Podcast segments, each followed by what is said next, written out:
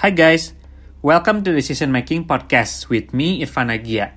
Sebuah podcast tentang bagaimana kita bisa lebih baik dan juga lebih bijak dalam mengambil keputusan dalam kehidupan kita sehari-hari.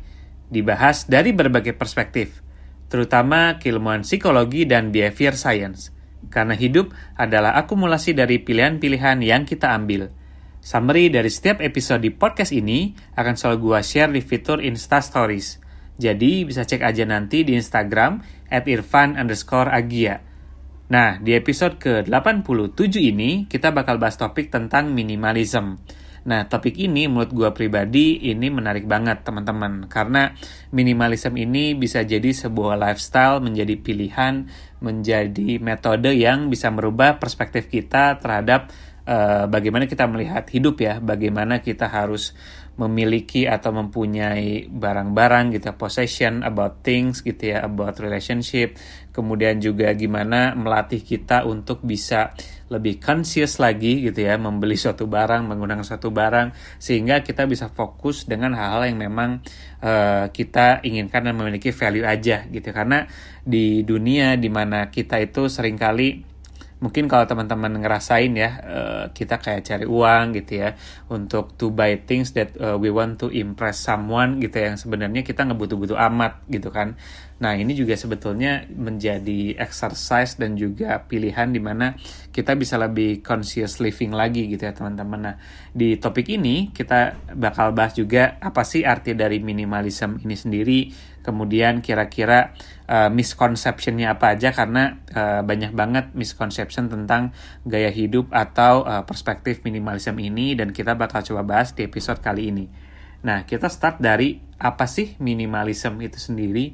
Jadi minimalism ini kalau bisa dibilang simply uh, secara apa oversimplifiednya adalah kita owning fewer possession gitu. Jadi kita memiliki atau menggunakan itu lebih less gitu, less is more istilahnya. Jadi minimalism ini sebetulnya uh, pada hakikatnya adalah kita uh, living intentionally dengan barang-barang yang memang benar-benar kita butuhin aja guys gitu. Jadi uh, kata kuncinya adalah intentional. Jadi kita tuh conscious. Misalnya kita mau beli suatu barang jadi kita punya uh, beberapa layer of thinking gitu ya. How it can improve my life.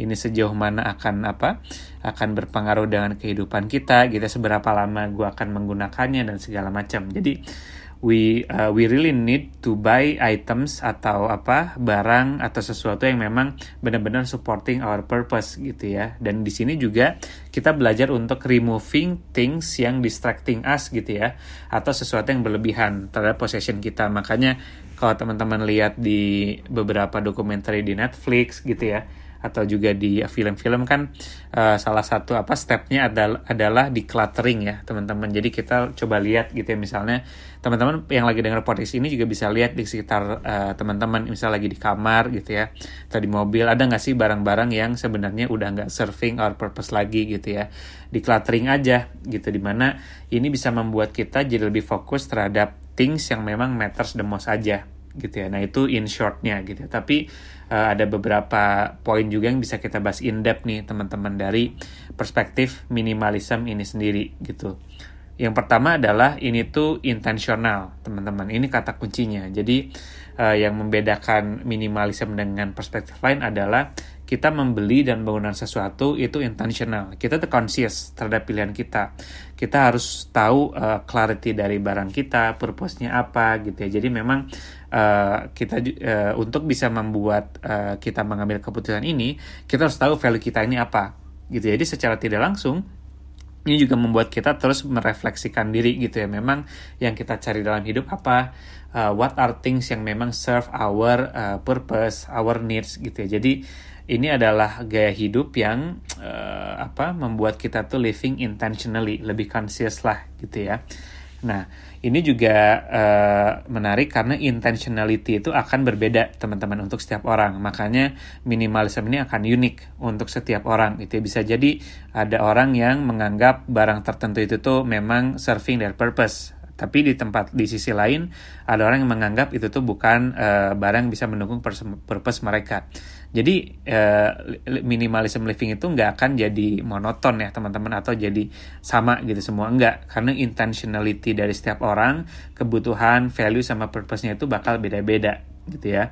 Nah, yang kedua adalah ini mengajarkan kita freedom gitu ya untuk uh, apa? memilih dan menggunakan apa yang kita uh, suka aja gitu atau memang value yang kita cari gitu karena this modern culture itu memang uh, mengajarkan atau mengarahkan kita untuk uh, possessing as many things as possible gitu istilahnya gitu. Karena uh, kita tuh ngelihat uh, banyak sekali belief bahwa having more itu is better gitu ya. Either kita bisa meningkatkan status kita gitu. Wah dia punya banyak barang A B C D gitu ya. Padahal ketika dalam apa dalam pelaksanaannya atau dalam kehidupan sehari-harinya bisa jadi uh, banyak hal yang kita miliki itu belum tentu semuanya itu serving our purpose gitu kan. Jadi justru embracing minimalism itu tuh bikin kita punya freedom uh, di, uh, untuk uh, apa consuming barang-barang memang kita butuhin aja gitu ya. Nah, yang ketiga adalah uh, minimalism ini memang membuat kita jadi lebih konten gitu ya, jadi lebih uh, apa inward lagi dalam uh, mengambil berbagai keputusan. Karena sering kali kita mengambil keputusan itu banyaknya eksternal faktor ya. Teman-teman kita melihat ada misalnya kita FOMO gitu yang ngelihat orang-orang uh, apa membeli barang A terus menggunakan barang B gitu ya. Jadi kita ngerasa kita perlu juga gitu untuk memiliki itu. Tapi kan itu belum tentu serving our purpose. Karena itu kita benar-benar tertigernya tuh sama orang lain gitu jadi becoming a minimalist itu justru bisa bikin kita lebih apa ya lebih slow down gitu ya slow down reflect gitu ya apakah uh, this modern apa influence gitu ya itu tuh benar-benar uh, akan mempengaruhi atau serving our purpose our needs gitu ya. atau kita jadinya cuma ikut-ikutan gaya ikut-ikutan tren padahal itu sendiri belum tentu uh, sesuai dengan value kita gitu ya jadi uh, kalau yang gue lihat sebenarnya minimalism ini tuh uh, yang perspektif yang bagus dari minimalism ini adalah kita tuh try to reduce distraction gitu. Kenapa? Karena decision making dari kita sebagai manusia itu sangat rentan, sangat prone dengan distraction gitu. Either itu dari eksternal gitu atau dari kebutuhan internal juga. Jadi minimalism ini membuat kita jadi stop and think lah istilahnya gitu ya. Karena sering kali kita tuh overwhelmed gitu ya dengan uh, this idea, this need bahwa kita tuh butuh possess a lot of things gitu ya. Uh, apa ini juga ternyata kalau teman-teman lihat ya coba aja lihat di kamar gitu ya. Pasti ada aja barang barang-barang yang sebenarnya udah nggak serving our purpose lagi gitu ya. Malah jadi menemunuhin gitu ya menemunuhin kamar kita gitu ya. Terus menemunuhin our space gitu ya. Padahal itu juga secara tidak langsung akan berpengaruh pada produktivitas kita gitu. Karena declutter the ada istilah declutter the room itu declutter the mind juga gitu kan. Karena kita lebih produktif lagi bekerja dalam kondisi yang uh, lebih rapih lah istilahnya ya mini, minimal dari banyak distraction. Seperti itu. Nah, tapi memang uh, yang harus digarisbawahi adalah it doesn't mean uh, it is wrong gitu kalau kita punya uh, things atau punya barang enggak gitu. Jadi uh, justru yang jadi problem adalah sekarang kita assign uh, too much uh, meaning gitu ya atau uh, value terhadap our stuff kita gitu ya. Padahal uh, kalau dilihat memang uh, semua itu masih bisa kita kurasi gitu loh bisa kita kurasi gitu mana aja yang memang masih serving the needs, serving our purpose, serving our value sampai sekarang gitu ya. Nah, sekarang kita bakal bahas apa sih yang bukan minimalism. Nah, di sini kita bakal bahas juga ada beberapa apa beberapa uh, misconception ya yang mungkin kita sering dengar atau bahkan kita juga ngerasa sampai sekarang uh, tentang minimalism ini sendiri. Jadi memang nggak ada single answer yang bisa menjawab apa sih minimalism untuk kamu karena setiap orang itu bakal berbeda ya gitu tentang uh, kebutuhannya karena balik lagi tadi sempat kita bahas ada kata kunci intentionality gitu karena kebutuhan dan value setiap orang itu akan berbeda. Jadi it's very open to interpretation gitu. Jadi uh, misconception pertama adalah uh, ketika kita mendengar minimalism kita ngerasa bahwa uh, oh kalau kita mau living minimalis gitu ya, kita harus getting rid everything yang kita punya gitu. Enggak gitu. It's true that a big part of minimalism itu adalah removing things gitu ya. Tapi yang jadi kata kunci adalah removing things yang memang uh, tidak uh, apa tidak memberikan value lagi pada kita gitu ya. Jadi uh, instead of focusing on what you're getting rid of, focus on what minimalism give you more of gitu ya. Jadi dengan kita declutter this thing, declutter this space gitu ya, itu bakal memberikan kita lebih banyak waktu, lebih banyak uh, space, lebih banyak peace dan juga freedom gitu ya. Jadi memang minimalism ini is not about deprivation gitu, tapi ini lebih kepada how we can intentionally choosing to live with less in order to have more time and space gitu ya. Nah, yang kedua adalah miskonsepsinya minimalism itu tuh so restrictive it makes life harder. Jadi bahkan uh, banyak yang bilang misalnya kita nggak boleh A, nggak boleh B. Kalau lo mau hidup minimalis lo nggak boleh punya ini, nggak boleh beli B dan lain-lain gitu. Enggak gitu. Ini juga another misconception juga. Jadi uh, nggak selalu uh, serestriktif itu ya teman-teman. Jadi memang uh, actually it will be easier uh, in many ways gitu ya. Kenapa? Karena kita bakal spend less time in cleaning gitu ya, picking up, looking for things, kita maintaining our stuff, organizing our stuff gitu. Karena ketika kita adopting this minimalist mindset gitu ya, uh, justru ini akan make uh, our life more easier karena tadi gitu ya kita uh, apa uh, mengkurasi atau memilih-milih yang memang uh, apa hanya serving our purpose. Jadi not that restrictive gitu ya teman-teman. Kemudian ada lagi miskonsepsinya bahwa you cannot have collection gitu atau hobi. Kalau kita minimalis kan jadinya oh kalau gue punya hobi ngumpulin mainan gitu atau toys gitu kan eh, nggak uh, boleh dong kalau banyak-banyak dan segala macam. Nah kata kuncinya kembali lagi teman-teman if that collection gitu that hobby brings you joy gitu ya keep it gitu kan. Uh, if it makes you happy keep it. Berarti kan ada value-nya ya teman-teman gitu kan. Jadi again minimalism doesn't mean getting rid of everything you own. Tapi lebih ke intentional what you keep. Jadi kayak minimalism itu adalah suatu moderation teman-teman. Keeping only the things the activities the hobbies that uh, you will actually use and brings you joy gitu ya Nah, kemudian ada lagi nih mini, uh, misconception yang terakhir adalah tentang uh, kita harus following certain set of rules atau standar untuk jadi seorang yang benar-benar minimalis, bisa dibilang true minimalis gitu.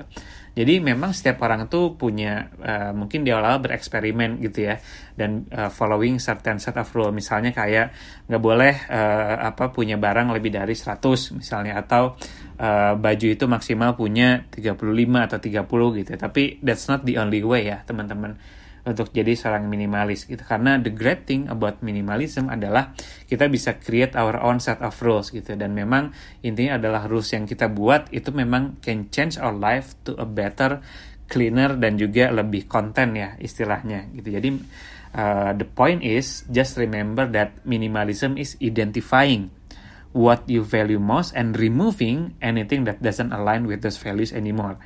Gitu ya. Nah uh, nextnya adalah the ultimate questionnya. Can minimalism really make us more happy gitu ya. Jadi memang uh, minimalism ini tuh udah banyak studinya ya teman-teman. Jadi beberapa studi dari apa uh, ilmu psikologi juga ada uh, researcher namanya Hook. Dia dan timnya itu mencoba uh, melakukan meta analysis gitu atau mencoba mencari beberapa literatur study gitu ya. Ada mereka tuh nemuin ada 23 riset gitu ya tentang uh, minimalism atau istilahnya kalau di sana itu voluntary simplicity kalau dari istilahnya ya. Nah, dia tuh bilang bahwa dari 23 study gitu kan uh, mereka ngelihat banyak banget yang hubungannya itu dengan well-being gitu ya. Jadi uh, dibagi yang research kuantitatif itu lebih dari 80%-nya itu menemukan connection antara simplicity minimalism ini dengan well-being. Kemudian yang kualitatif study juga menemukan 85% dari studi itu memang ada linknya between uh, our simplicity atau minimalism dengan well-being.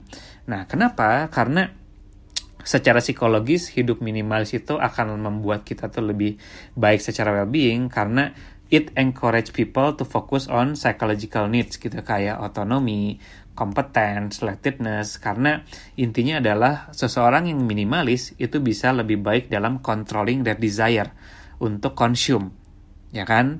Jadi ini membuat orang itu uh, apa lebih rasional lebih conscious dalam membeli atau menggunakan suatu barang atau jasa. Karena kan uh, modern problem kita we buying things we don't need to impress someone gitu we don't know kan sebenarnya. Jadi benar-benar uh, banyaknya tuh emotional buying gitu ya, atau emotional uh, consumption gitu ya. Nah apakah dengan kita uh, change our mindset atau lifestyle to minimalism itu bikin kita otomatis automatically more happy gitu ya. Tapi uh, memang nggak langsung ya nggak jadi instant cure gitu. Karena minimalism itu lebih ke pathway-nya sendiri not the end goal. Jadi dengan menjadi seseorang yang minimalis itu bisa memberikan kita lebih banyak waktu gitu ya untuk free up uh, our money terutama dan juga space gitu ya more than ever before gitu. Jadi it's about the journey of intentional self improvement gitu ya teman-teman. And appreciating what we already have gitu. Nah itulah baru akan kita belajar lebih konten atau lebih happy gitu. Nah gue sendiri memang bukan seseorang yang udah sampai apa ya tahap uh, I I really organize my stuff, I really uh, uh, very conscious gitu ya. Aku uh, gua pun juga belum belum sampai tahap sana tapi I think dengan belajar minimalism ini bisa membuat kita uh, at least lebih conscious gitu ya, lebih selektif lagi dalam uh, membeli atau menggunakan suatu barang, suatu jasa dan kita juga bisa try to looking back, looking to uh, around us gitu ya. Mana aja barang-barang yang tanda kutip bisa kita uh, apa uh, remove gitu ya atau bisa kita uh, apa kasihin bisa ke orang lain karena it doesn't support our value anymore atau nggak dibutuhin karena it will free up our space karena decluttering our environment it will decluttering our mind juga sehingga kita bisa lebih produktif dan juga fokus terhadap sesuatu yang memang meaningful aja buat kita. Oke, okay, I think that's all teman-teman untuk episode tentang minimalism dan untuk episode selanjutnya gue bakal bahas topik tentang Korean Wave. Ini juga ada beberapa yang DM gue untuk uh, bahas tentang topik ini karena kita lihat ya sekarang banyak banget brand-brand di sekitar kita itu nunjuk Korean star gitu ya, Korean idol untuk jadi apa brand ambasadornya gitu. Memang apa sih yang mereka cari, apakah ini memang benar-benar impactful, dan kalau iya, kenapa itu bisa terjadi, kita bakal bahas episode di episode ke-88. So, sampai jumpa di episode selanjutnya. Kalau teman-teman ada request atau masukan tentang feedback atau topik lain yang mau dibahas, boleh banget email atau message gue di Instagram at irfan underscore agia. Kalau teman-teman merasa topik-topik di podcast ini berguna atau memberikan wawasan yang baru, please do share it to others. Bisa bagikan link konten podcast ini di Instagram because sharing is caring. Thank you and see you in the next two weeks. Bye-bye.